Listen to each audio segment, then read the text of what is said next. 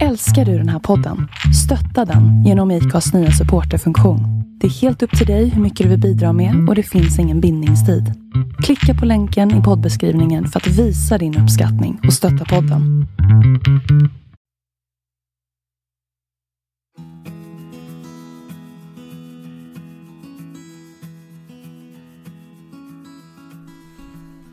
Nej men hallå Jonas! Det börjar bli lite ringrostiga på det här med att ställa, Ja. in, dat ställa in dator. Men nu är vi taggade här. Är du det? Eller? Är vi det? Förberedda er, men du måste ta ner dina hörlurar. jag kan inte titta på dig! Hej! med, medhörningen och så satte jag upp den på huvudet. Ja. Hallå, hur är det med er där ute i vintersverige? Mm. Vart ni än är. Vi har diskuterat väder tillräckligt nu. Vi kanske ska vara tydliga med det här. Pausen är mitt fel. Så kan vi säga. Det är faktiskt mitt fel. Eh, Du frågade mig tidigare idag sådär. Hur, hur ska jag göra när, när, när jag vill podda och, och, och du inte vill och, och, och allt sånt där. Så, men det är bara att fråga och så vill jag inte så säger jag nej. Och säger jag, men, Och, och, och det är ju sådär. Vi gör det här. Vi poddar och vi har samtalet, vi har mötet. När det känns själsligt rätt för oss. Ehm, Det är ju ingen kommersiell podd utan att det är ett själsligt samtal som vi har med oss men också med er. Och då behöver vi ju vara i ett tillstånd där vi kan vara närvarande, kan och vill, men oftast handlar det om att kunna vara närvarande och bjuda på det, den visdomen och kunskapen och brister och allt vad vi är. Och är vi då i, i, ett tillstånd där vi inte är det, då är det ju bättre att, att inte mötas. Även jag vill, ju, jag vill ju möta Jonas, men vi ska inte lägga det on air. Because what's on air is on air. Så. Och då får det bli så här helt enkelt. Och eh, ni får följa oss på Instagram. Och kolla när det kommer upp någonting nytt. För jag lägger ut det på min privat, på min, mitt, mitt företagskanal också. På Sinnenas resor och Kerstin Sörbom. Och då lär ni märka när det kommer något nytt avsnitt. ja. Och nu kommer det.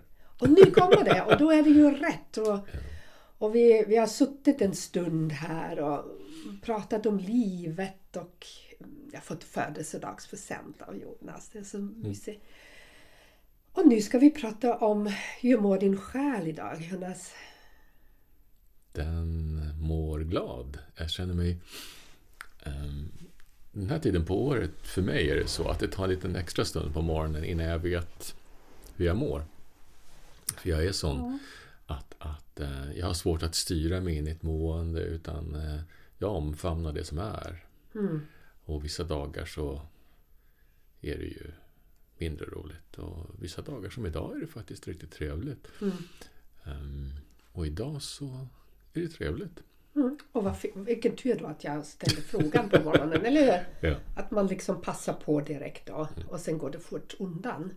Och det, det kan man ju vara så tacksam för, eller hur? Att man följer den där rösten och Och att vi kan, att vi har möjligheten Ja. att, att vara flexibla och eh, fråga har du lust? Ja men det gör vi och så gör vi det nu och in, Ja. inte, inte om några dagar.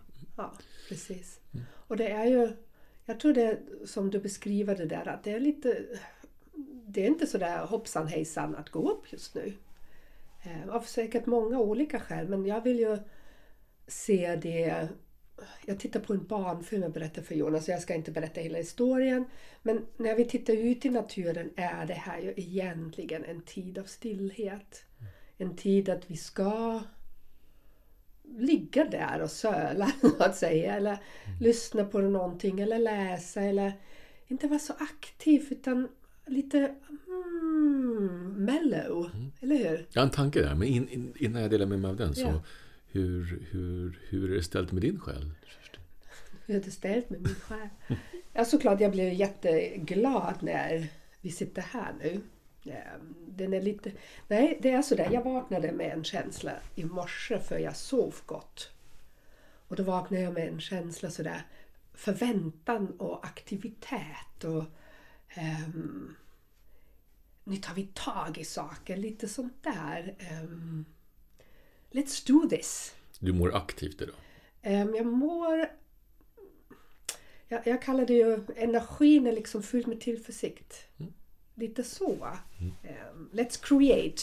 Let's create. Det är kreativitet. Ja, och sen är vi här nu. Så det är min själ idag i stugan. Men innan vi går in på dagens ämne så tänkte jag det här med som du sa, det här med vilan och sådär. För jag, eh, vi båda tycker om naturen. Och vi bor i en del av, av världen där ska säga, naturen är mer tydlig än den är kanske i sydligare breddgrader och sådär. Och jag tittar på hur djur gör. Jag tänker på björnen som går i ide. Och mycket går i vila. Träden går i ide och vilar och så vidare. Och jag ehm, tycker ju att det är rimligt att vi också på något vis utifrån våra förutsättningar också gör det.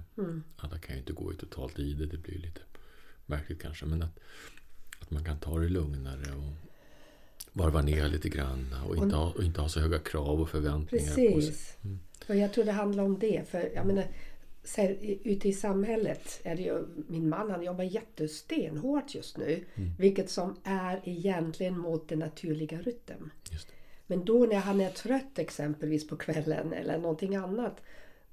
Och jag då som går mer i naturens rytm. Jag, jag kan vara lite mer accepterande och förlåtande och stöttande också. Liksom, vad behöver han för att orka för att orka med det här? Vad behöver samhället? Eh, när det är mycket press nu och innan jul. Ehm, och samtidigt säga hela livet att vi ska vara i det. Eh, visst är det vad vi har skapat för liv egentligen. eh, Och skapat för samhälle. Så to be good and to be nice. När du är trött. När du inte orkar lite dämpat. Mm, Det är okej. det är okej. Dagens ämne då, vad är det Kerstin? Ja, Jonas spottade bara ut sig sådär. eh, vi ska prata om ett otroligt stort ämne som vanligt. Ehm, och det är förlåtelse. Och vi får se var vi hamnar, eller hur? På de 55 kvarvarande minuter. Och, och det är ju alltid sådär, tycker jag, vi börjar någonstans. eh, Och sen närmar vi oss någon sån där kärna i, i samtalet och i närvaron. För närvaro är ju också det är ingen knapp man sätter på, inte jag i alla fall. Utan det är en fördjupningsprocess, eller hur? Men Det är som, som ett samtal. I, I början har man small talk för att känna in. Jag tror vi, det är det. Jag har inte gillat så, small talk innan för jag tänker kom till punkten. Men det är ju som, som ett smygande närmar, närmande till någonting som är liksom en kärna som inte kan blottas direkt utan den behöver hanteras och man behöver leka med den och undersöker och ja, det är det vad vi gör. Så jag tänker det här med förlåtelse, för jag tycker att det är... um, det finns ju ord eller, eller begrepp som jag brukar benämna det vid som en god vän eller ett syskon. Och, ett ord som jag tycker hänger ihop med förlåtelse, det är ju, det är ju acceptans. Mm. Ehm, jag tror att de ligger väldigt nära varann. Ehm, men jag vill slänga ut en helt brutal annan fråga. För jag läste häromdagen någonting om förlåtelse. Eh, tror du att man kan förlåta allt? Det är intressant. Um, eh, Apropå nej, att, ja, att nej, spana men alltså- in och närma sig ett begrepp. ja. Liksom. Kan man förlåta allt? Nej, men alltså, alltså jag Ja. tänker på den här den franska filosofen Jacques Derrida. Han, han säger ju att att förlåta någonting som är möjligt att förlåta, det är ingen förlåtelse. Oh. Eh, enligt honom så att förlåtelse, det innebär att man förlåter någonting som är omöjligt att förlåta. Ja, jag fattar. Jag vet inte, det, det för mig kanske inte riktigt är så, men, men, men eh, Ja, jag, jag tror det Jonas. Och här kommer vi lite grann såklart närma oss någonting annat också. Mm. Att förlåta någonting som egentligen inte går att förlåta. Det är ju ont. Mm. Det är en riktig, det är en riktig tuff utmaning. Där man behöver egentligen sätta sitt ego, sin människa åt sidan ibland. ja, för Och det, det, vilken process det är. Och såklart är det en filosof som, som som har slängt ut sig det Ja, där. ja. Alltså är det, det här- mänskligt? Ja, jag det? menar, för det här är en ganska synokrym em, situation. För jag tänker att förlåtelse och acceptans och tillåtelse em, är ju också självklart i relation till dig. Mm. Em, och och em, jag tänker också sådär att, att eh, både du och jag, vi har ju våra vad man kan kalla för moraliska värderingar utifrån vår självrespekt. Mm. Och jag tänker inte låta någon annan behandla mig sämre än jag ville behandla mig själv. För det brukar gå hand i hand. Absolut. Jag tänker på destruktiva relationer och sådär. Utan det är din självsyn som avgör och någonstans sätter tonarten för vad du accepterar från andra människor. Mm. We need to discuss that. Ja, medvetet eller omedvetet. Ehm, eller undermedvetet. Ehm, Och det behöver inte vara en kritisk... Jag tänker... nej, nej, det, här- det, det, kan vara, Mm. det kan vara positivt och det, det kan också vara destruktivt. Alltså, det finns Mm. ju två sidor på, på pendeln där. Men, men jag, då bara att återknyta till det du sa så, så, så är det ju ehm, det blir ju hinder i vägen för mig om jag ska förlåta någonting som jag upplever um, inkräktar på min syn och självrespekt på mig. Mm. Ehm, och, och vi har pratat om det här förut. Alltså jag har mina... ehm, eh, hur ska jag säga? Jag har mina värdepelare i livet som är viktiga för mig. Mm. Eh, och i det här så är det väl så att eh, jag tänker att, att jag kan nog förlåta det mesta. Men frågan är vad jag vill förlåta. Mm. Det, det är två olika saker. Kan och vill, det behöver inte alltid gå hand i hand. Är det verkligen så? Det här, är så? det här blir spännande nu. För jag hör hur vi, hur vi sitter bredvid varann. Men kanske har lite olika syn. Och då tänker jag, kan vi inte backa lite grann? Mm. Vad tycker du är förlåtelse? För, för att lägga en grund till vad är det som vi egentligen pratar om. em, förlåtelse för mig är att acceptera det som har hänt och inte ha några tankar och känslor inför det längre. Tankar kan du ha, men, men att, att det inte händer någonting i dig när du tänker på händelsen. Om det nu är en händelse vi pratar om. Vilket oftast är. Precis. Och då får, när jag förlåter, och det kan ju vara förlåter mig själv eller den andra eller något annat. Då ska jag verkligen vara fri ifrån Att släppa det. det, det. ehm, fri från den upplevelse av det som har hänt. Eller känslan. Eller känsla. Helt, jag, jag, måste vara, jag kan ha tankar runt det som du beskriver det också. Men jag behöver verkligen vara helt fri från värdering, från, från en känslomässig anknytning. Det får inte göra illa i mig på något sätt. Det är helt läkt. För mig är det ju läkt. Det finns liksom ingen, ingenting att ta i längre. Om jag tänker på energi och något, något hemskt som har hänt. Det är som en svart klump i energifältet av mig. Och är det liksom förlåtet, då finns det ingen klump längre. Det är inte viktigt. Alltså, är inte- alltså jag tänker också så här Ja. att, att, att, em, att, att förlåta någon, för det är oftast det det handlar om, Mm. dig själv eller andra, eh, innebär ju som sagt att det inte händer någonting i dig när du tänker på det som har hänt. Mm, precis. Eh, Men jag tänker fortfarande att, att em, eh, det innebär ju också att du inte tänker på det som har hänt. Det tänker jag det kan du göra. Ja, men, får, det, ja, det är ju kanske någonting som Ja, har men vänta. pågått länge. och, och, liksom, och, sådär, och då menar jag att, att, att det är okej att fortfarande eller för mig funkar det så i alla fall, att jag kan ha förlåtit saker, men när jag tänker på det kan jag fortfarande alltså moraliskt ha en tanke om att det där var inte okej. Men det gör ingenting. För jag tänker att vi alla har ju vårt moraliska skelett. Absolut. Mm. Ehm, jo, och, och där håller jag ju helt med. Sen tänker jag, vad är egentligen, varför ska vi förlåta? Liksom? Varför är det viktigt att förlåta? Ja, det är för vår egen del faktiskt. Det är, det är faktiskt för vår egen del. Ja, precis. Ja. Och jag tror att det är ganska viktigt för jag läste häromdagen någon, någon, någonting om, om någon som har blivit utsatt som barn i många år. Och hon, hon nu säger jag hon, för jag säger det. Ehm, hon säger väldigt tydligt att hon inte kan förlåta förövaren. Och i min värld, och hon är väldigt tydlig och klar i det och hon har gått i många år i terapi och allt det där.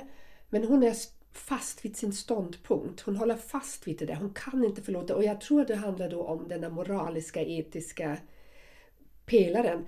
It was wrong. Så. Men samtidigt den förlåtelsen, för mig är det... Jag tänker sådär... Eh, ja, jag, jag kunde tänka när jag läste det, men lilla stumpan tänkte jag, och det får man inte tänka utan man kan säga att du starka kvinnan. Um, du ska ju förlåta för din egen skull. Du ska inte förlåta förövaren för det vad den har gjort. Utan du ska förlåta händelsen. Ja, det, det ena leder väl till det andra tänker jag. För det är Ja. ju, eh, för, för, alltså, så jag tänker så här att, att utifrån min egen del så är det ju så att, att, att inneha förmågan eller gåvan att förlåta vad som helst. Det är ju på många sätt övermänskligt. För, Ja, det, det var det var det Mm, ja. Eh, Och, och eh, i det för mig kan det också finnas en rädsla i att jag, att jag går förlorad. Jag tänker på det här moraliska skelettet då, då som vi pratar om. För det är ju det som jag har byggt upp utifrån mina erfarenheter, tankar och värderingar. Och jag tror att, att som människa så är det väldigt viktigt att, att ha en sån. Absolut. Det tror jag. Vä- Väldigt viktigt. Integritet, moral. Ja, ja, Otroligt det, tror det. Och, och det är väl inte orimligt att säga att, att förlåtelse kan- hamna i konflikt med det här. Ja, jag, jag förstår vad du menar. Mm. Det perspektivet att... Ja, och samtidigt är det ju inte det. För, för den här förlåtelsen är ju den smärtan Mm. som man kopplar ihop med en upplevelse. En smärta för någonting man har upp, utsatts för. En besvikelse, vad, vad den kan vara liksom. Ehm, ens integritet har blivit skadad. Ehm, någon har gjort illa mig. Och den upplevelsen, ja, det är ju, förlåtelse är ju den upplevelse av det. Eh, I relation till den, som du säger, din personliga karta. För att stärka den och bibehålla den. Är det lite snurrig nu eller? Nej. Nej. Så um, förlåtelse för mig. Jag tänker, kan man förlåta den andra? Ja, poppar det också upp en tanke när jag ser den, den som har gjort illa mig. När jag ser dess själ, liksom. Det som är bakom människan, bakom varför den har gjort det. För den mår säkert inte så bra heller. Och jag säger det inte, det är inte någon ursäkt. Men Oj, vad det blev svårt nu. Jag hör mig själv liksom. Vad svårt det blev. Kan jag förlåta den andra för det vad den har gjort? Måste jag göra det innan jag kan förlåta mig själv? Ah, Jonas, hjälp mig. Nu är jag helt snurrig. Ja, nej men alltså, alltså, jag för det här det... går så djupt. Ja, alltså, Jag, Ja. tror, alltså, alltså, jag tänker att det är inte en sanning på en dimension här, utan jag tänker faktiskt att det också är att, att om vi kan acceptera det som har hänt, för det gör vi utifrån eh, våra egna behov. Eh, för det är ju faktiskt så att, att eh, om vi råkar ut för någonting i livet eh, som, som är likt ett övergrepp som du pratar om. Och det finns många andra relationer eller många andra händelser i livet som är precis lika stora. Så för mig är det i alla fall så att, att eh, jag, jag tror många andra, är det väl rimligt att vi, att vi först gör en ekvation över eh, vad kostar det mig att, att, att gå och bära på det här och vara ledsen och arg och frustrerad. Eh, kontra att Ja, ja men lite. liksom. Kontra att inom citationstecken tugga i sig det som har hänt. Eh, Och det är inte alltid man kan göra det i relation till den det berör. För så är det ju i livet. Det kan ju vara någon som har dött, våra föräldrar. Ja, som kanske ja, har varit ja. vidriga mot oss. Nej, alltså. Eh, och, Du står ju ensam. På det sättet Ja, står du ensam med din visst, upplevelse. visst. Så vi alla har inte den lyxen att kunna någonstans konfrontera människan det berör. Det har vi inte. Men, men ekvationen ändå någonstans gör ju att, att eh, är det värt för mig att gå och känna så här? Eh, Eller, eller finns det något sätt jag kan eh, släppa det här? För det handlar ju om att, att, att släppa. Du vill inte bära, jag tror att ja, man vill ju inte bära på den upplevelsen för resten av sitt liv. Nej. Känslomässigt. Nej, men, men då för att, för att någonstans återknyta till det du pratar om så tror jag att det, att det finns två stycken parallella verkligheter i det här. Jag tror att det ena är ju att känslomässigt förlåta någon Mm. eh, eller acceptera någonting innebär ju inte att du måste inkräkta på din moraliska kompass eller ditt moraliska skelett. För det kan fortfarande vara kvar Mm. med den integritet som, som du har behov utav. Det tror jag kan Eller kanske du bygger upp det igen när någon har kränkt det på det sättet. Du har tappat bort det, ditt moraliska kompass. Mm. Med, med, du vet, eh, kvinnor i våldsamma relationer eller vad den kan vara. Liksom. Ja, ja. Och sen kan du genom förlåtelsen bygga upp den igen. Ja, för jag tänker att, att, att eh, det är ju förstås olika hur den här moraliska eh, stommen ser ut för olika människor. Och där kan man ju liksom självklart ha teorier att om, om man återkommande hamnar i relationer som, som handlar om övergrepp. Eh, eh, hur ser min självbild ut? Eh, Men det behöver inte snöa in oss på, för, för det, det, det är en helt annan grej. Men jag tror att, att vi fortfarande kan parallellt förlåta och acceptera något som har hänt. Det kan ta lång tid, men jag tror att vi kan göra det. Men fortfarande att vi är intakta som själ. Ja. Det tror jag. Ja. Kan det vara så där att när någon har gjort ill- illa oss. Jag vill gå lite grann från de där stora sakerna för förlåtelse händer ju hela tiden i vardag till allt liksom. Ehm, och vi får skilja sen i förlåtelse. Att ofta behöver vi faktiskt förlåta oss själva också. Så. Men, men den sorts förlåtelse som vi pratar om nu. ehm, jag tror i de värsta fallen då har vi ju själva tapp, vi tappar ju bort oss själva. Ehm, eller vi har aldrig någon möjlighet att bygga upp oss själva eller vara i oss själva när det sker. Och genom en förlåtelseresa. Ehm, jag tror många som har varit utsatta för olika saker som är vuxna exempelvis eller sen ehm, behöver verkligen förlåta sig själv. Hur kunde jag tillåta det här på den resan? Men när vi går tidigare, eh, övergrepp mot barn eller sådär, de har ju inte haft en möjlighet att bygga upp sin moraliska kompass än. Det finns ju ingenting. Och genom att göra den förlåtelseresan, eh, att släppa känsloanknytningar till det som har hänt, kan man tydligare bygga upp också vad som man känner är rätt eller fel. Man bygger upp sin e-, egen moraliska och etiska kompass med den bearbetningen tills man står där stadig och inte har den känslomässiga anknytningen längre. Nej, för det är ju det är, alltså jag tänker att, att eh, som sagt, vi, vi har pratat om det förut, det finns ju två två grupper i samhället som för mig, det finns säkert fler också, men åt- åtminstone för mig som är vad man kan kalla för offer och det är barn och djur. Ehm, och, och, alltså jag har varit med om det här, precis som du pratar om. Alltså jag, jag var med om fruktansvärda övergrepp som liten. Mm. Ehm, och, och um, inte sexuella övergrepp eller våldsövergrepp utan andra typer av övergrepp. Och där, att jag växte upp i en miljö som var väldigt, väldigt stökig och turbulent. Mm. Och jag föddes av orsaker som kanske inte var så där jättebra. Så. Ehm, och och eh, det här har jag ju under hela min,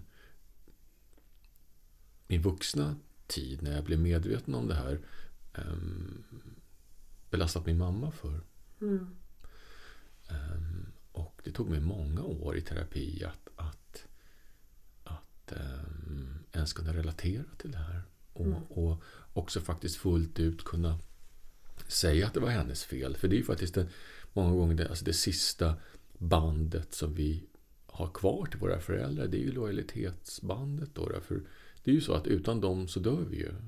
Och det inser vi ju inte när vi är vuxna heller. Utan det här, det här osynliga lojalitetsbandet lever ju kvar för många av oss långt in. Och att klippa det, det var fruktansvärt smärtsamt. Mm.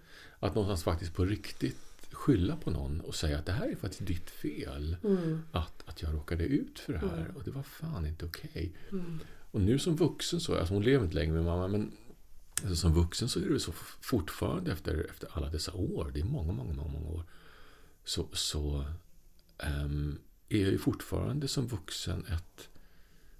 Eh, alltså jag inser ju att jag som barn var ett offer.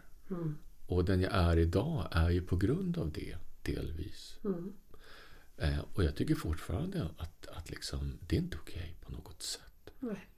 Eh, men min mamma under de omständigheterna förmådde inte bättre än vad hon gjorde. Precis. Nej. Mm. Eh, och, och i och med det så har jag ju förlåtit. För det har jag gjort så länge sedan. Mm. Men det innebär ju inte för det att ehm, relationen till henne även som död eh, det är ett avstånd mellan oss som någonstans kom utifrån min insikt om vad som har hänt. Mm. Det. Och det tycker jag är väldigt fint beskrivet Jonas. Det beskriver ju allt, eller hur? Att ehm, för det första att verkligen komma den, till den insikten vem som bär ansvaret. Mm. Ehm, det var ju den som bar ansvaret. Och sen lära sig att liksom ta över makten över sitt eget liv. För för mig är det ju det där, det handlar ju verkligen om vem ska ha makten över mitt mående? Att, att låta då mamman eller den förövaren eller den som har utsatt en fortfarande bestämma över någonstans hur vi ska må som vuxna. Det kan vi göra för resan emellan är ytterst smärtsamt. Liksom. Men den här frihetskänslan när vi känner nu, nu är det okej. Jag undrar ibland om vissa saker är helt förlåtna. Du vet sådär. Går det verkligen att förlåta helt och hållet så? Men, men så gott det går, så gott som vi förmår. ehm, att ehm, ja, jag, jag tycker att äga sitt eget liv. Ja, för, alltså, jag tänker så, Så. här, alltså, jag kan ha fel här. Det är mycket möjligt att det är så att det här är en rädsla som styr att jag känner på det här sättet. Men jag är rädd för att jag som individ eh, blir upplöst. Alltså att jag slutar existera om jag ska vara en totalt förlåtande individ. Det här är ju spännande. Ja, jag, jag, ja, och här kommer vi in i den substansen. Vad är förlåtelse egentligen? Ehm, jag, I min, som jag tänker, nej, såklart upphör du inte utan du blir en renare i din existens. Men här kommer det in, vad har vi lärt oss om att sätta gränser? Vi är ju ganska oroliga ofta att säga nej, du kan komma hit men inte längre. Ur kärlekens, ur, ur, det låter sådär plattig, men förstår ni, den där platsen i mig där jag känner du får komma så nära just nu för att jag förmår att ta emot det eller jag behöver ha den där gränsen. Du kan inte komma längre in och vara så tydlig i det. Eller säga det här är okej för mig, det här är inte okej. När det kommer från en så ren plats som möjligt och ren är ju eh, att jag inte har laddat upp massvis med, med skydd, skyddsvall. Men, men min integritet eller mitt, mina gränser eller min, mitt hus, mitt eget hus. Det tänker jag, det är ju ändå... Där finns de. This is mine and that is yours.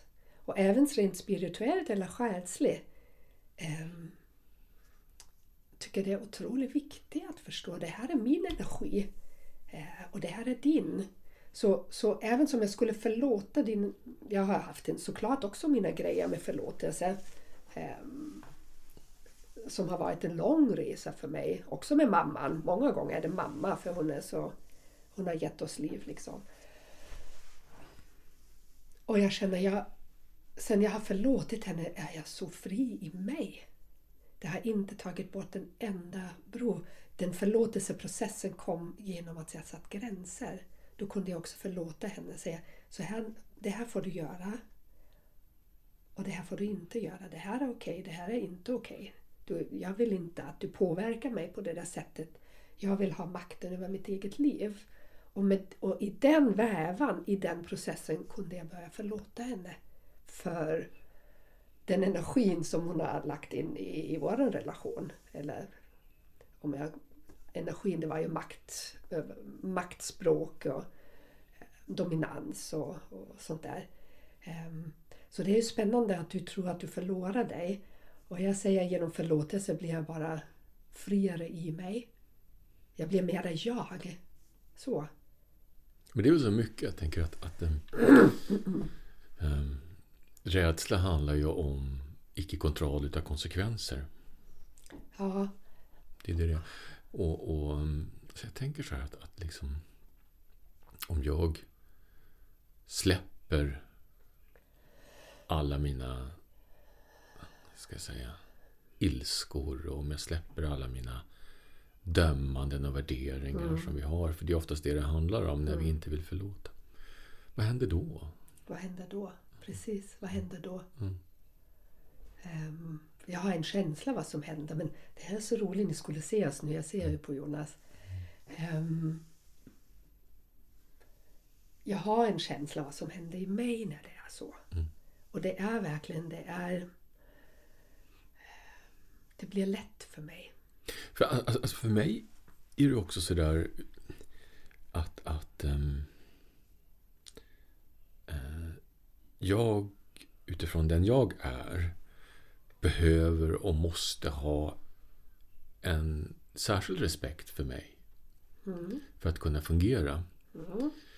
Ehm, och och ehm, jag tänker på det här med relationer till andra människor där jag eh, och där kanske inte så, alltså jag kanske tänker lite det här med att förlåta när, när människor har gjort någonting emot mig som är emot mina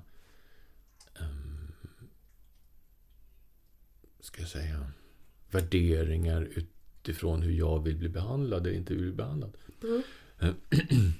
Eh, och, och eh, om vi ska omformulera det där så tror jag att det också handlar lite grann om vad man kan kalla för en utrensning eller en avveckling av människor som, som för mig eh, är någonstans kontraproduktivt utifrån hur, hur, hur jag vill leva. Mm. Och, och det, kan, det, kan, det blir en konsekvens, eller det, det hänger ju ihop. Men då tänker jag, förlåtelsen i det är ju att den när jag tänker på den människan, Mm. då, då kostar mig det ingenting något mer. Det är inte känslomässigt engagerad. Mm. Och för det måste jag förlåta någonstans. Att, eller att släppa. Oftast är det har de kränkt, har de kränkt mig, Mm. då behöver jag i princip förlåta så att jag kan avsluta den relationen för då vet jag att det här är inte något för mig. Liksom så. Men jag vill inte vara jag vill inte läcka energi i det där. Nej, och det, det är ju förstås olika utifrån vad man har för, för relationer. För jag tänker att, att, att eh, vänner eller kompisar eh, som du har upplevt eh, behandlar dig på ett sätt som är, är eh, mindre fantastiskt. Då, Mm. Och då kan du ju välja bort det och det, är- det är fullt rimligt. Mm. Och i den processen kan du ju också utifrån den tid du behöver förlåta. Så är det. Ja. Men så finns det också andra relationer i livet. Jag tänker, eh, många av oss är ju... Eh, vi har ju ett arbete. Jaha. Och så har vi yrkesrelationer. Ja, där, ja, ja, ja. där, det där är, där det händer saker. Det där är känsligt. Ja, och där kan du inte riktigt välja på samma sätt Nej. längre. Utan, utan du kanske blir konfronterad med den här människan. Varje dag. Ja, i värsta fall. ja men jag fattar. Och, och då är det ju annorlunda för då, då blir du ständigt påmind om ehm, att, att, att liksom det som du är, det, det är inte okej för mig. Alltså det, det är inte okej. Eh, eh, och jag kan parallellt förlåta vad som har hänt men jag tänker inte acceptera det som har Nej. hänt. Och det är egentligen... Jag tycker arbetsplats, eftersom man är ibland lite... I relationer kan man ju, det är som du säger, man kan ju välja bort. Mm. Men på en arbetsplats då ska du möta varann. Förutom om du väljer då på grund av omständigheten att byta arbetsplats så kan det också bli... ehm, sen får, och i det fallet tänker jag då får man bestämma sig hur man orkar möta det på bästa sättet. Vilken strategi. Vad är minst värst? Lite så. Ja, vad är minst värst liksom? För jag menar, vi kan inte... Det här handlar ju då om en arbetsplats och jag har ju några väninnor liksom som berättar om sina konflikter på ja, olika arbetsplatser och jag bara åh, jag vet varför jag inte är anställd. Liksom så. Men, men såklart, blir du utsatt för, det kan vara chef, kollegor, vi har ju inte valt dem utan vi slängs ju in i en miljö där vi plötsligt ska samarbeta. Ehm, och där är det ju en annan sak. Jag tänker förlåtelsen. Jag menar, blir jag irriterad över samma sak hos en kollega då kan jag fundera, okej okay, vad är det som den triggar i mig? Så, och kan se den om jag vill, kanske som en lärare. Så. Men annars är det ju okej, okay, hur kan jag överleva det här? Och hur kan ja, för oftast råkar vi ut kanske för hanterbara situationer. Oftast är det så på en arbetsplats. Men, men jag har råkat ut för en gång när det inte var hanterbart för mig. Eh, ehm, när, när den här människan verkligen gick in innanför eh, min ska säga, heliga sfär. Mm. Eh, och och ehm, jag vet inte, alltså eh, hade det hänt i en vänskapsrelation då hade vi aldrig hört så mer. Det hade vi aldrig gjort. Punkt. Eh, för jag har mina väldigt få, jag har få, men jag har väldigt tydliga um, värderingar utifrån hur jag inte vill bli behandlad. Mm. Mm. Och, och, ja, det kan man ju inte säga någonting åt. Det handlar ju om en heliga atmosfär. Just, liksom. Just, just. Och, och inuti är det ju det som, som är sårbar. Som, som utgör det som är hela vårt paket. Liksom. Och jag menar såklart på arbetsplatsen vill jag inte släppa in alla i min sårbarhet. Nej. Så är det. Och försöka någon då trampa i, i den platsen. Då vet jag inte vad, eller vet jag, inte vad jag skulle göra. Så. Och det är en helt annan sak. Um, en parentes kan man säga. Det, det är en parentes. och det, det är liksom, och här pratar vi om andra saker som vi behöver hantera på olika sätt. Mm. Jag tänker när vi pratar om själsligt, då är det ju någon då är det ju våran sårbarhet. Eller hur? För på en arbetsplats, jag, hade diskussionen privat hemma förra veckan. Och då handlade det om, om en ny chef på, på arbetsplatsen. Och, och man vet ju inte om man kan lita på den. Och då sa jag, men tillit är ju någonting man måste förtjäna också. Du vet inte i början om du kan lita på en människa och det är ändå en människa som byter en sida på arbetsplatsen och sen en, en privata sida.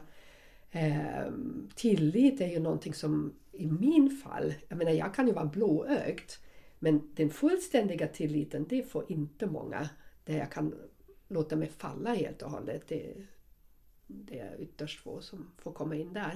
Ja, för det är olika det här med kognitivt och, och, och själsligt och känslomässigt som ja, du pratar om precis. nu. Eh, jag vill av den filosofin att jag vet inte förrän jag vet. Precis. Mm. Och, och, nu pratar jag då med, med, den personen och sa men då får du avvakta och vara lite varsamt. Mm. Liksom, hur känns det i mm. magen liksom? Mm. Eh, nu kommer vi lite bort från det där med förlåtelse. Men, men det är liksom arbetsplats tycker jag är lite... Det är en parentes kan vi säga. Det, det är en parentes liksom. För, för på många arbetsplatser, varför ska någon få komma mig så nära? Och sen på andra arbetsplatser kanske det är ens bästa vänner som jobbar där. Ja. För man har jobbat där i tio år och ser varandra mm. åtta timmar om dagen. Liksom, så. För, för, för, det finns också andra ord här som är någonstans väldigt kontraproduktivt till, till, till förlåtelse och det är det här med konspirationsteorier. Ja, herregud. Ja, jag orkar inte. Nej, nej, men jag, jag vet. Och, alltså, så jag känner ett par stycken människor som är motsatsen till det här som jag sa nyss. Att jag vet inte förrän jag vet. De, de Um, och jag, alltså jag kan ha mina förmaningar och, och, mina föreläsningar för dem. Men, men det som jag brukar säga, det är lite som att ropa ett sopnedkast. Det, det är helt, helt meningslöst. Jag försöker säga att men alltså, du kan ju inte veta om han eller hon tycker och känner så här innan du har frågat, innan du vet. Mm. Mm, men de har massor med orsaker till varför det är så. Förmätet att tro att man vet. ja. Ja, ja. Uh. Men, men kan vi, nu går vi tillbaka mm. ändå till förlåtelse. För då fick jag en tanke nu som ni där hemma kan fråga er. För jag tänker sådär, för mig har det varit under vissa perioder otroligt viktigt att gå hela den, med denna, hela den resan med olika människor. Där jag hade någonting som jag tyckte de hade kränkt mig. De har gått in i min sfär och, och sårat mig. Och det blev aldrig en, ett samtal om det. Och jag bara malade på i mig. Det här var ju innan jag gick hundra år i terapi. Liksom. Ni förstår. Men det var ändå sådär att det malar i tankarna och man bär det med sig hela tiden och det blir ingen förlösning. För mig är förlåtelse också förlösning. Ehm, att jag kan släppa taget om någonting, det är ju egentligen fantastiskt, eller hur? Ehm, det, är egentligen det som är syftet med förlåtelse. Att ehm, som en stor utandning, släppa. Som astmatiker kan jag inte andas ut. Men, men liksom, ni hör. Nej, jag, är jag långsint? Jag vet inte. Men, men um, när, när, när ni går, när ni, du där hemma liksom, har du någon som du märker du ältar frågetecken med? Du ältar känslor runt denna personen som du märker det drar någonting ifrån dig. Det kostar på, liksom. det kostar dig någonting. Jag har just nu en sån där relation. Det kostar mig. Och jag, fatt, och, och jag ser ju det, jag beskådar det. Och jag kan inte riktigt släppa taget om det. Fan! Jag blir sådär, du vet. Och, och det, då hade det också att göra med den personen har kommit mig väldigt nära. Men också sårat mig i det vetande att de är mig nära. Behandlat mig lite som så pink. Lite som, som självklar. Så. Um, och jag tänker det här, den här processen behöver jag göra. Jag behöver göra en förlåtelseprocess med den personen. För jag vill inte att hon har makten över vissa känslor i mig. För det är ju faktiskt så att det här du beskriver det är ju mer vanligt än ovanligt. Det är väldigt vanligt. Så är det ju. I, I att våra mänskliga relationer, likt separationer, ja. det är ju mer vanligt att vi är mm. ovänner än att vi är vänner när vi separerar. Ja, så är det. Precis. Och det är bara ett faktum. Det är ett faktum och, och så är väl livet. Ja. Liksom, ja. Punkt slut. Men, men, men med allt vad vi gör här, vi vill ju också uppmuntra till att släppa att, att våga släppa tag om saker och ting, eller hur? Mm. Um, nu uppmanar jag mig själv nu väldigt högt här. Mm. Um, att, att ta tag i, i det, vad som gnagar på. För jag vet också att jag vill inte ha det så. Och när jag rensade tidigare var det väldigt fint rensat. Mm. Jag, jag gillar inte den känslan att att något berör mig på det sättet. Nej, jag, jag tänker att, att Eller liksom, kanske ska vara så. Nej, nej, jag, eh, det, det vet att jag inte. vi har det ändå. ja, det, nej, men, men, men jag, eh, jag tänker att det är väldigt viktigt att ha respekt för processen. För jag, jag, det hände mig också för några veckor sedan att, att, att god vän till mig sa saker som jag... Alltså, jag, alltså jag känner mig fullständigt eh, eh, bombarderad. Och alltså jag kände mig liksom... Ja, vad ska jag svara på det här? Eh, eh, alltså hon gick på ganska hårt. Alltså. Eh, så. Nu tittade han på mig men det var inte Nej, nej, nej, det var inte det. alltså hon gick på ganska hårt och alltså, jag kände mig så här manglad. Ja. och, och, jag behövde ha lite tid på mig att, mm. att för då när det hände så, så kände jag så här okej, okay, vad händer där? Mm. Det här förstår jag inte. Mm. Och, och jag tycker att det känns märkligt att vi inte kan ha två olika åsikter och respektera varandras olika åsikter. Mm. Punkt. Och så lämnar man det där vid. För så funkar det för mig. Att du kan tycka en sak och jag tycker en annan och det är okej. Okay. Mm. Om du okay. inte går till mina grundvärderingar då är nej, ja, nej, men alltså, ja, men det, ja. Det, det, kan handla om de mest vardagliga saker. Ja, ja, nej, eh, eh, men, men det här var ganska infekterat för den här personen i alla mm. fall. Eh, inte så infekterat för mig. Mm. Ehm, och jag behövde ha den här tiden att, att... För hon hörde av sig sen, ett par veckor senare, för jag kan bli tyst då. Mm. Um, och, och, det är ingen passiv aggression, det är inte så. Utan jag bara känner... Alltså jag känner mig ledsen och sårad mm. över, över det som hände. Och, och, jag behöver en stund att läka. Och då frågade hon mig, så här, är du arg på mig? Och då sa jag, ja det är jag. Mm. Eh, för det här som du sa, det, jag kände så här. Mm. Eh, och, och, eh, jag blev ledsen och, och, kan vi inte bara liksom vara överens om att vi, vi tycker olika och, och det är okej. Okay. Mm. För det finns ingen absolut sanning i det här. Mm. Och, och då löste vi det. Mm. För jag tänker, och är det helt rent sen? Ja, ja. ja nej, men alltså självklart finns det smulor kvar, så är det ju. Mm. Men de försvinner med tid, det är jag säker på. Ja. Eh, men jag tänker, det här är likt en kaka i ugnen, det behöver bakas en stund mm. innan man kan konfrontera det och prata om det på ett sätt som är sansat. Eh, eller att, att man blir konstruktiv i det. För mm. man kan, det leder ingenstans om man fortfarande försöker lösa en konflikt när den är infekterad. Mm. Såret behöver läka lite. Absolut. Och då kan man ta i ja. det. Mm. Vi har inte någon konflikt. Utan jag tror det handlar om att släppa taget om någonting som är väldigt ja, när man är redo gammal. att ta i det igen. Ja, oh, ja, utan att sårskorpan går upp. För det är viktigt faktiskt. Och då, jag tänker att den processen bör man nog ha, ha lite respekt för. Ja, jag, det här är, mm, jag, jag har mycket respekt för det. För jag vill också att den processen ska liksom den ska inte lämna några öppna sår sådär utan den ska verkligen um, gå hela resan så att säga och sen får det vara en förlåtelse i det. En förlåtelse för mig, liksom, vissa saker som jag säkert har gjort men också en förlåtelse inför den andra. Så, för det, det, var någonting jag läste ur Bibeln innan vi började. Va? Mm. Um, förlåt den andra, because, vad var det där? Förlåta den andra för den har inte vetat bättre. Någonting sånt där ska det just, vara. Det. Um, men i min värld handlar livet väldigt mycket, det vuxna livet, inte det lilla livet. Jag menar för mig har förlåt som, som man pocka in barnen. Liksom. Du måste säga förlåt. Det har för mig inget, det är bara ett ord. Liksom. Eh, jag satt precis och tänkte på det, för det är väldigt intressant att du sa det här. För vi har pratat om det en gång förut och jag, jag avskyr egentligen ordet förlåt. Ja, precis. Det, det är mer... Förlåt är ju liksom ett ord. Ett skuldspel.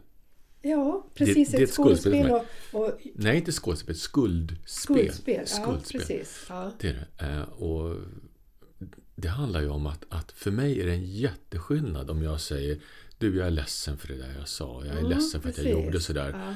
Och, och alltså, det där var inget bra gjort mm. av mig.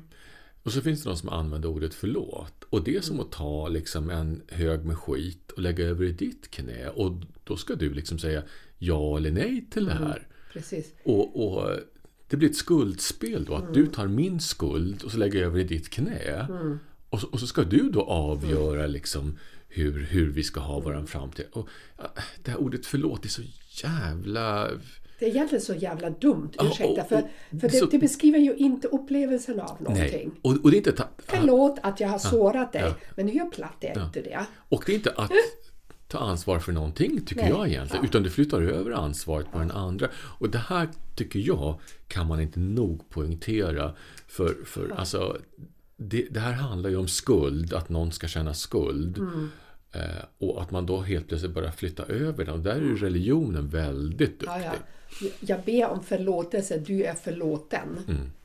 Jaha, okej. Okay. Är allt borta då? Eller vad då? Ja. Eller, eller liksom, hur funkar det? Ja. Är, är det liksom den... Be tio Ave Maria, Jonas. Ja. ja. Alltså, alltså, är det då liksom någon form av dusch i dopfunten? Att allt, du vet, försvinner med vigvatten. Alltså det funkar inte så. Nej. Nej. Så, så mycket bättre är ju egentligen att fundera över ens egen upplevelse av någonting, eller hur? Du, jag, är, jag har blivit sårad eller jag har varit ledsen mm. eller det har gjort ont i mig eller någonting sånt där. Mm. Och jag vill gärna släppa taget om det, eller? Mm. Eller hur säger man då? Nej, men, jag vill fylla det med, nej, men huvudsaken är ju att du tar ansvar för det du ja det du, det du vill ha sagt. Ja, så. och då kommer det ju till luften, då kommer det mm. ut liksom. Då uttalas det. Och egentligen, jag, jag tror ofta att det egentligen när vi pratar om någonting, då är det som en energi som frigörs. Det är som en vibration. Och det är den som ska läka, eller hur?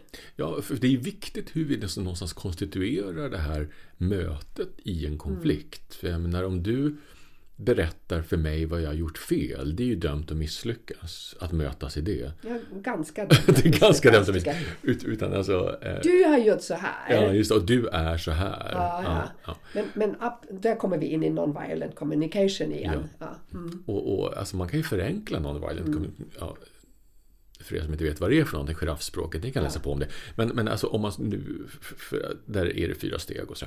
Men om man ska ta ner det till en par steg i alla fall, så kan man säga att, att liksom, när du gjorde så här så känner jag så här och jag blir mm. jätteledsen eller jag blir, blir alltså jag känner mig kränkt, alltså jag mår inget bra av det här. Mm. Eh, och, så. Och, och, och sen så kan man då överlåta till den andra så får den mm. berätta. Och det, är, det är ett sätt att mötas på. Och för, det, för att våga göra så, det är ju modig. För du visar dig ju sårbar. Mm.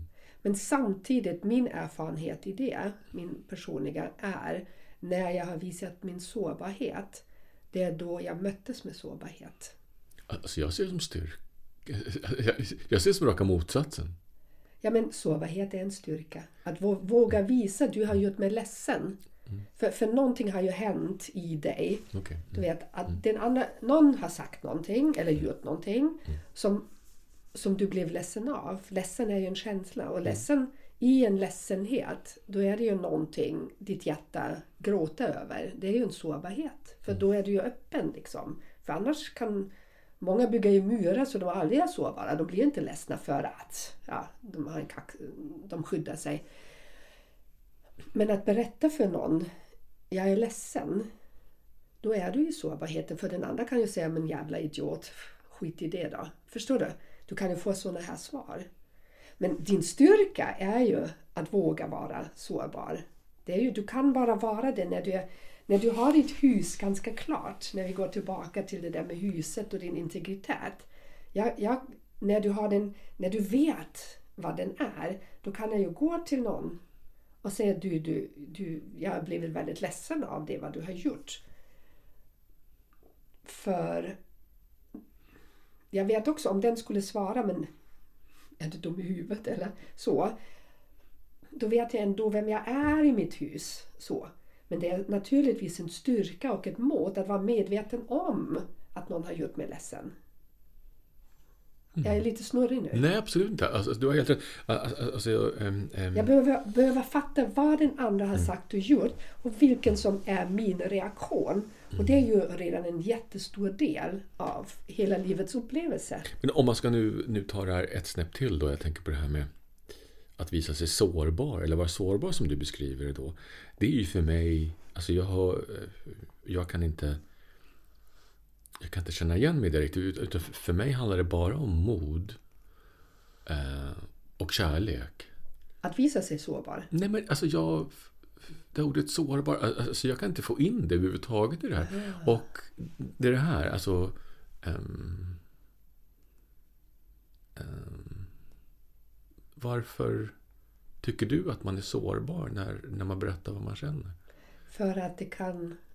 Ja, det här är kanske min grej, förstår du. Nej, jag vet Ja, men så nej, kan det ju vara. Nej, men det är en för vanlig jag tänker sådär, du kan ju bli avvisad.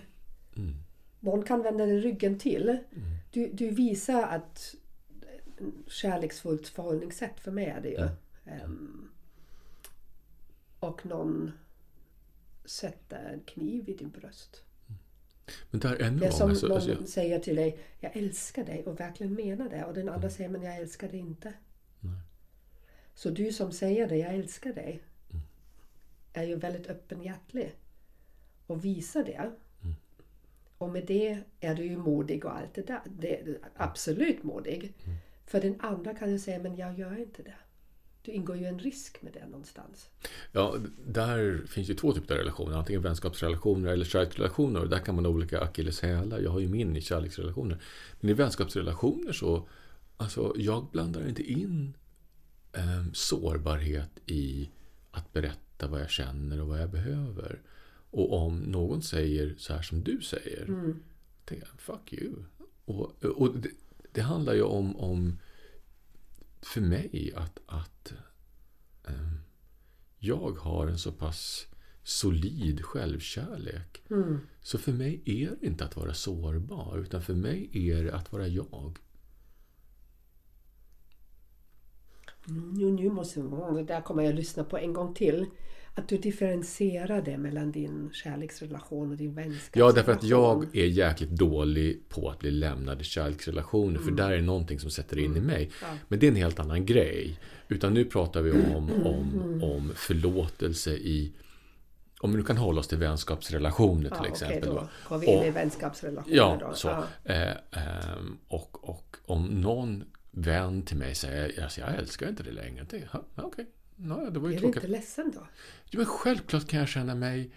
Alltså det blir ju en sorg utifrån att jag måste genomgå en separation Mm. med allt vad det innebär. Men jag känner mig ju inte... Du känner dig inte lämnat? Nej. Ja, this is mine. Du vet, det är min stora grej, liksom. Att eh, lämna. Mm. Men i kärleksrelationer, där, Där är det helt Ja, annan grej. Eh, Jag menar, om, om ni där ute känner liksom eh, eh, 40 grader utav en relation, separation, sådär, så vill jag upp i 80 någonstans. Nej, men, eh, det, Ja, ja. det är min akilleshäl. ja. Det är min akilleshäl. Ja. att lämna och bli lämnad. Det, det, det är alldeles särskilt svårt för Men, mig. men är det inte sådär, när vi, då sitter vi här liksom och, och kan leka lite med ord och lite differentieringar. Men är det inte sådär eftersom det är människans basbehov av trygghet. Det är vår första behov. Så. Viktigaste behov, basbehovet, det allra viktigaste som finns. Det är trygghet. Värme, omtanke, det där. Så naturligtvis borde vi alla, om vi inte är psykopater, ha en issue med att bli lämnad. Mm, det är rimligt. Det är väldigt lämpligt, eller hur? Så. Blir vi då lämnade? Apropå, jag måste bara få ihop det där med förlåtelse igen, för vi svävar lite ute. Men såklart känner vi ju smärta beroende på vart vi befinner oss själva i livet. Och vad som är lite våran akilleshäl på grund av våra erfarenheter. Och vad vi har varit med om och vår, nu säger jag inte sårbarhet längre, mera erfarenheter. ja, men ni, ni förstår det där. Um, och ändå har vi ju blivit lämnade i våra liv. Um, inte bara en gång. Ibland blir vi lämnade, ibland lämnar vi. Och den som lämnar oss då, och det kan ju vara i svek. Jag tänker på mamma, pappa, ni vet relationer, läraren, kompisar i skolan, vad det än är. Då kommer denna förlåtelsen in ändå. Eh, när vi blir lämnad och det gör så ont och vi känner oss så sårade. Eh, vi kan ju, vi har ju ett val då, tycker jag. Att gå in i att bli ett offer för det vad som vi har utsatts för. Eller som du och jag har gjort, liksom, att försöka verkligen välja den förlåtelsens väg. Ja, för innan kommer ju dramat och det är ju dramat många gånger som gör att det gör ont. Mm. Ja, ja. Ja mm. Och det dramat kan ju se olika ut och det är ju det är fullt normalt att vi ger oss in i det. Ja. det, det Om och om igen. Nej, inte så, nej jag vill inte ge mig in i det. Men man har gjort det såklart. Jag, jag tänker ofta när jag har ju två döttrar liksom. Alltså, man, ni måste kyssa lite grodor för Mm. att hitta rätta um, kungen för er. Inte Mm. kung, men förstår ni partner. Ehm, och det innebär ju att man blir lämnad, att man lämnar. Mm. Det tillhör erfarenhetskontot. Alltså, alltså kanske ska vara tydlig där med när, när, när, när jag säger att, att eh, vänskapsrelationer som har blivit en separation inte påverkar mig. För det gör det ju självklart. Alltså jag har självklart som många andra behovet av att förstå varför. Ja. Och den dialogen måste jag ju ta. Mm. Att säga, ja du känner så. Vad, vad är det som gör att du... eh, Vad har jag gjort? Mm. Har jag sagt någonting? Eller, eller Mm. är är det något som pågår i dig som gör att våra liv inte lirar längre? Mm. Och sådär. Mm. Att man ändå kan liksom skiljas på, på ett sätt som är så odramatiskt det går. Ja, precis. För, Mm. för vi vill inte bära på Ovissheten. Alltså ja, man den vill ju där veta, skiten Nej, som det innebär. Liksom. man vill ju förstå Ja. varför och, och Ja. det är ju rimligt. Mm. Men här kommer ju den kognitiva delen in. Ja. liksom. Mm. Jag, kan inte, jag, jag är lite konflikträdd så jag kan inte alltid förklara det där. Och jag är ju inte det. Jag är inte ett dugg Nej, det är så roligt här. Mm. Eh, Jag, jag förkroppsligar den divine feminine och Jonas the masculine. Mm. Ehm, så jag tycker ju, jag kan inte alltid titta de där orden. Mm. Men jag vet också att jag behöver liksom, jag behöver verkligen gå in i känslan när någonting sånt där händer. För jag vill inte bära på den energin. Nej. Jag vill, jag vill ha en closure. Eh, Och, och sen kunna kanske transformera det hela och skapa ljusa minnen i någonting. Så. Um, otroligt viktigt för mig. Men apropå det där att vara ensam och bli lämnad. Och förlåtelse handlar om vad gör vi efteråt med det? Exempelvis. Med vad? Om vi blir lämnad och det var inte någon rolig separation. Liksom. Pratar du kärleksrelation eller vänskapsrelation? Jag, jag, för mig, jag pratar ju både och. Mm. Mm. Så. För kanske då får jag inte alla svar i någon vänskapsseparation heller. Nej, det får man inte alltid. Och det, det... Så ibland kan jag väl tycka också att vänskapsrelationer, då, att, att det blir separationer ehm, på ett ganska naturligt sätt. Så, Ja, eh, och, och det är okej. Men, men när vi hamnar i konflikter, när det händer saker i oss, när, när, när våra vänner eller kompisar gör saker så, så tänker jag att, att ähm, ännu en gång processen tror jag är ganska viktig. Att, att vi, eller jag är sån i alla fall, att jag behöver lite tid på mig att ähm, ska jag säga lägga korten i ordning innan jag tar snacket. Mm. Mm.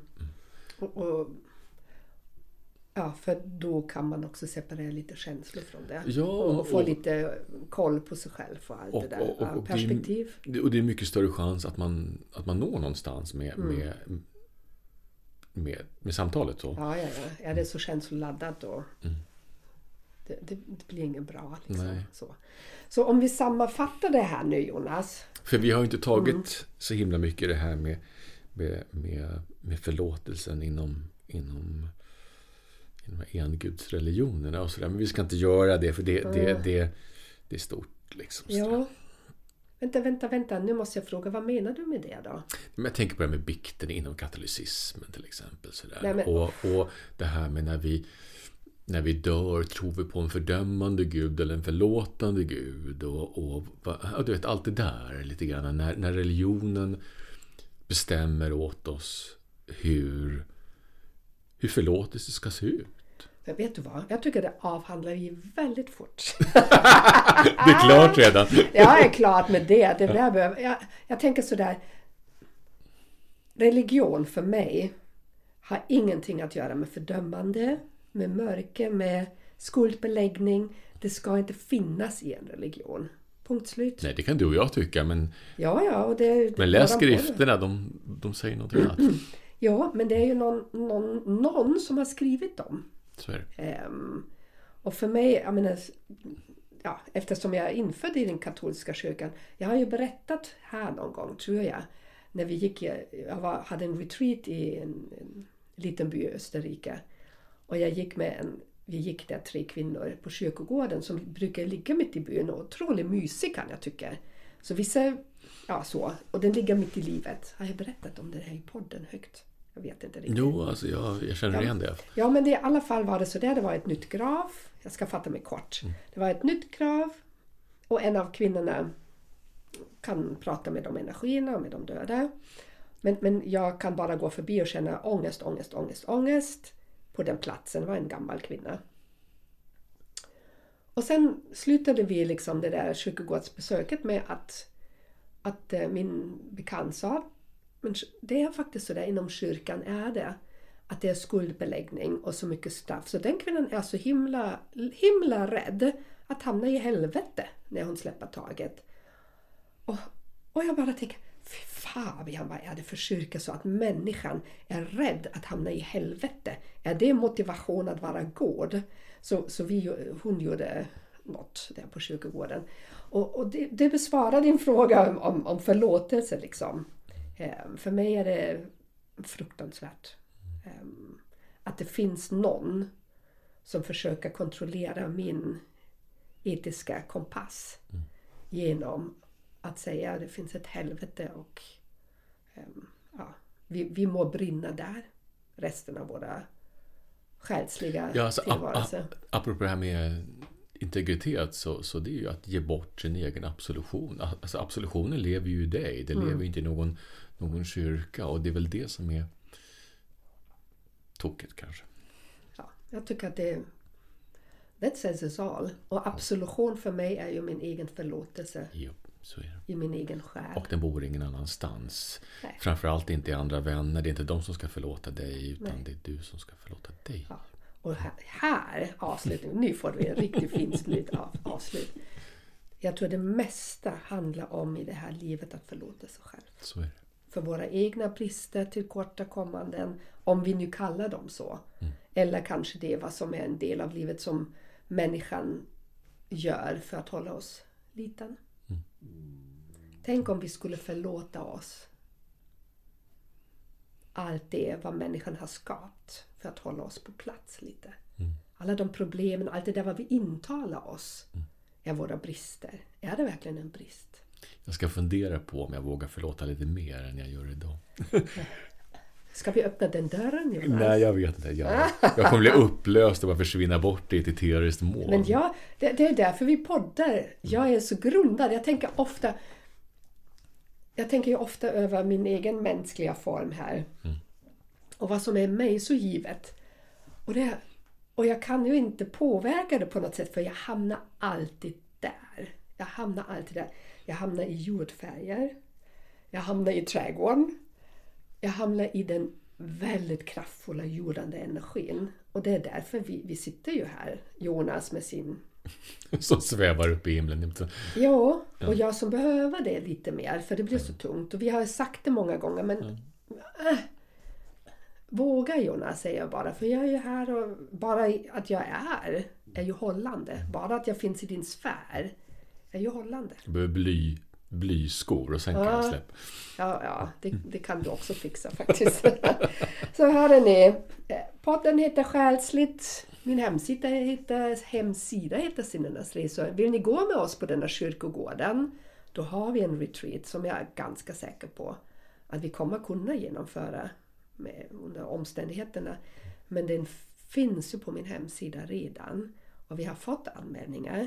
Och vi ska inte vara någon stor grupp så det här blir det är till sommar, inte Ja, det är juni. juni. Så det, det, borde, det, är inte omöjligt? Nej. Det är inte omöjligt liksom. Och jag gör ju ingenting som känns på något sätt eh, otrygg. Jag vill att eh, åker man någonstans ska man vara all in liksom. Och jag vill inte ta ansvar att någon annan blir sjuk. Men, men det känns liksom att det, det känns rimligt. Mm. Det att det borde vara möjligt. Just. Um, och det är ju en utmaning att åka med Jonas och mig. ja, ja, det kan ja, det vara. Men i alla fall, tack för att ni lyssnade idag. Fundera över hemma. Vem ska, nu, nu är ju juletid liksom. Ehm, stjärnan av Betlehem. Det ska hända någonting på stjärnehimlen den 21 december. Googla på det. Jag är inte så bevandrad med Och den 22 vänder ljuset igen. Så då Precis. Blir det, ja. det är något jättestort tror jag som händer. Det är en Merkurius med med, med någon annan planet som ska förenas eller ska vara väldigt nära varandra. Um, och det har inte hänt sedan medeltiden. Fackplaneterna. Jag tänkte 22 då vänder det och så blir det ljusare igen. Nej, nej, nej. Ah. Fackplaneter. Det här är så typiskt Jonas. Ja, men i alla fall. Um, vem, finns det någonting du kan förlåta dig för? Eller finns det någon i närheten du behöver förlåta mm. innan det vänder igen? Um, så. Mm. Vi hörs när vi hörs, säger vi. Eller hur? Mm. Tack för att ni lyssnar. Tack för att ni lyssnar och vi hoppas att vi har kunnat inspirera mm. till något mm. nytt. Hej då! Kram! Hej då!